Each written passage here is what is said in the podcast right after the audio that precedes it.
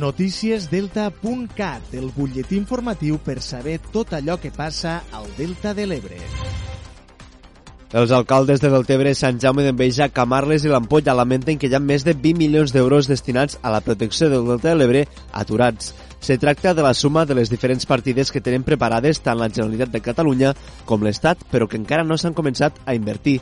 Tots quatre creuen que les administracions s'han anat passant la pilota i reclamen que se posen d'acord per començar a invertir. Ho han dit en el nou programa de Delta.cat Veus del Delta a la tertúlia que en la seva primera edició han conversat sobre la problemàtica de la regressió del Delta de l'Ebre. Les obres previstes pel Ministeri de la Transició Ecològica de mobilització de sorres per prevenir nous temporals encara estan aturades a expenses d'un nou estudi d'impacte ambiental demanat per la Generalitat. Per això, des dels quatre municipis reclamen al govern que eximeixi a costes a l'Estat de presentar este informe. A més, creuen que les administracions temen a les entitats conservacionistes. L'alcalde de Sant Jaume d'Enveja, Joan Castor Gonell, s'ha mostrat molt contundent amb el fet que la Generalitat demana l'avaluació d'impacte ambiental per poder mobilitzar les sorres.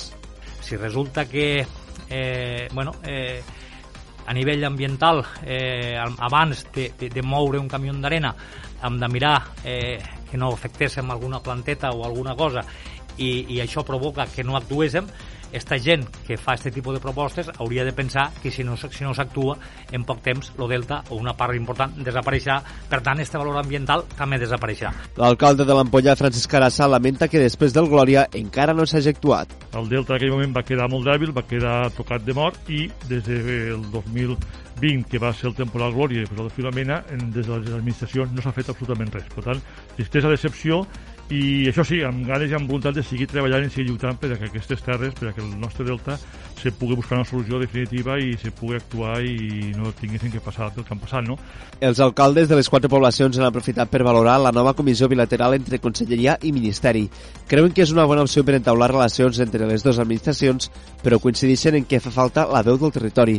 L'alcalde del Tebre, Lluís Soler, creu que la taula ha de servir perquè la Generalitat eximís l'Estat de presentar l'estudi d'impacte ambiental acaben eh, passant-se la pilota i esta comissió bilateral, a mi m'hagués agradat pues, que la tercera o la segona vegada que reuniguessin hagués sigut perquè l'Estat, eh, en este cas, hagués ficat damunt la taula com ha ficat no? pues, eh, estos projectes de 348.000 metres cúbics per a tirar endavant i que la Generalitat, donat que l'any anterior l'Estat no li va deixar actuar a la costa en els 6 milions d'euros que van perdre eh, i que enguany anem pel camí de perdre la segona pròrroga, eh, que la Generalitat l'eximigués del tràmit ambiental en una situació d'excepcionalitat preventiva.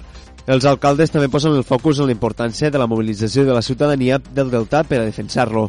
Escoltem Ramon Brull, alcalde de Camarles. Des de les administracions centrals han d'entendre que nosaltres no quedarem callats, que nosaltres mobilitzarem a qui haguéssim de mobilitzar, perquè no que jo penso que no podem permetre que el Delta desaparegui com se veu que en uns anys això anirà desapareixent. Els batlles han valorat molt positivament que totes les diferències ideològiques de cadascun puguin coincidir en la defensa del Delta de l'Ebre.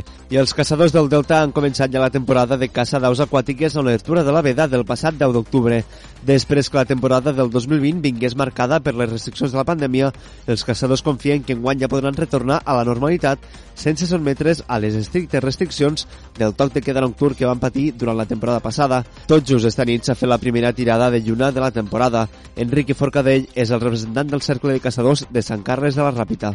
Esperem que enguany el simple fet de no tindre això pel mig ja és una garantia de que serà una temporada bona, per dir alguna cosa, no? El caçador ja surt en un altre, en un altre esprit, no? Ha sigut un, un any difícil, ha sigut un any complicat, ens hem tingut que adaptar al, al tema Covid i bueno, eh, esperem, esperem que això ja hagi passat i, i, bueno, i tinguéssim ja dins de la normalitat pues, una temporada que estigui pues, assequible, que estigui bé. Els caçadors han mostrat també la seva preocupació perquè l'assecament dels arrossars a l'hivern, com a mesura per a combatre el caragol poma, està provocant un descens de les aus hivernants al delta. Els caçadors entenen que l'assecament dels arrossars és una acció necessària, però creuen que caldria buscar també altres estratègies per evitar este descens progressiu d'aus al delta.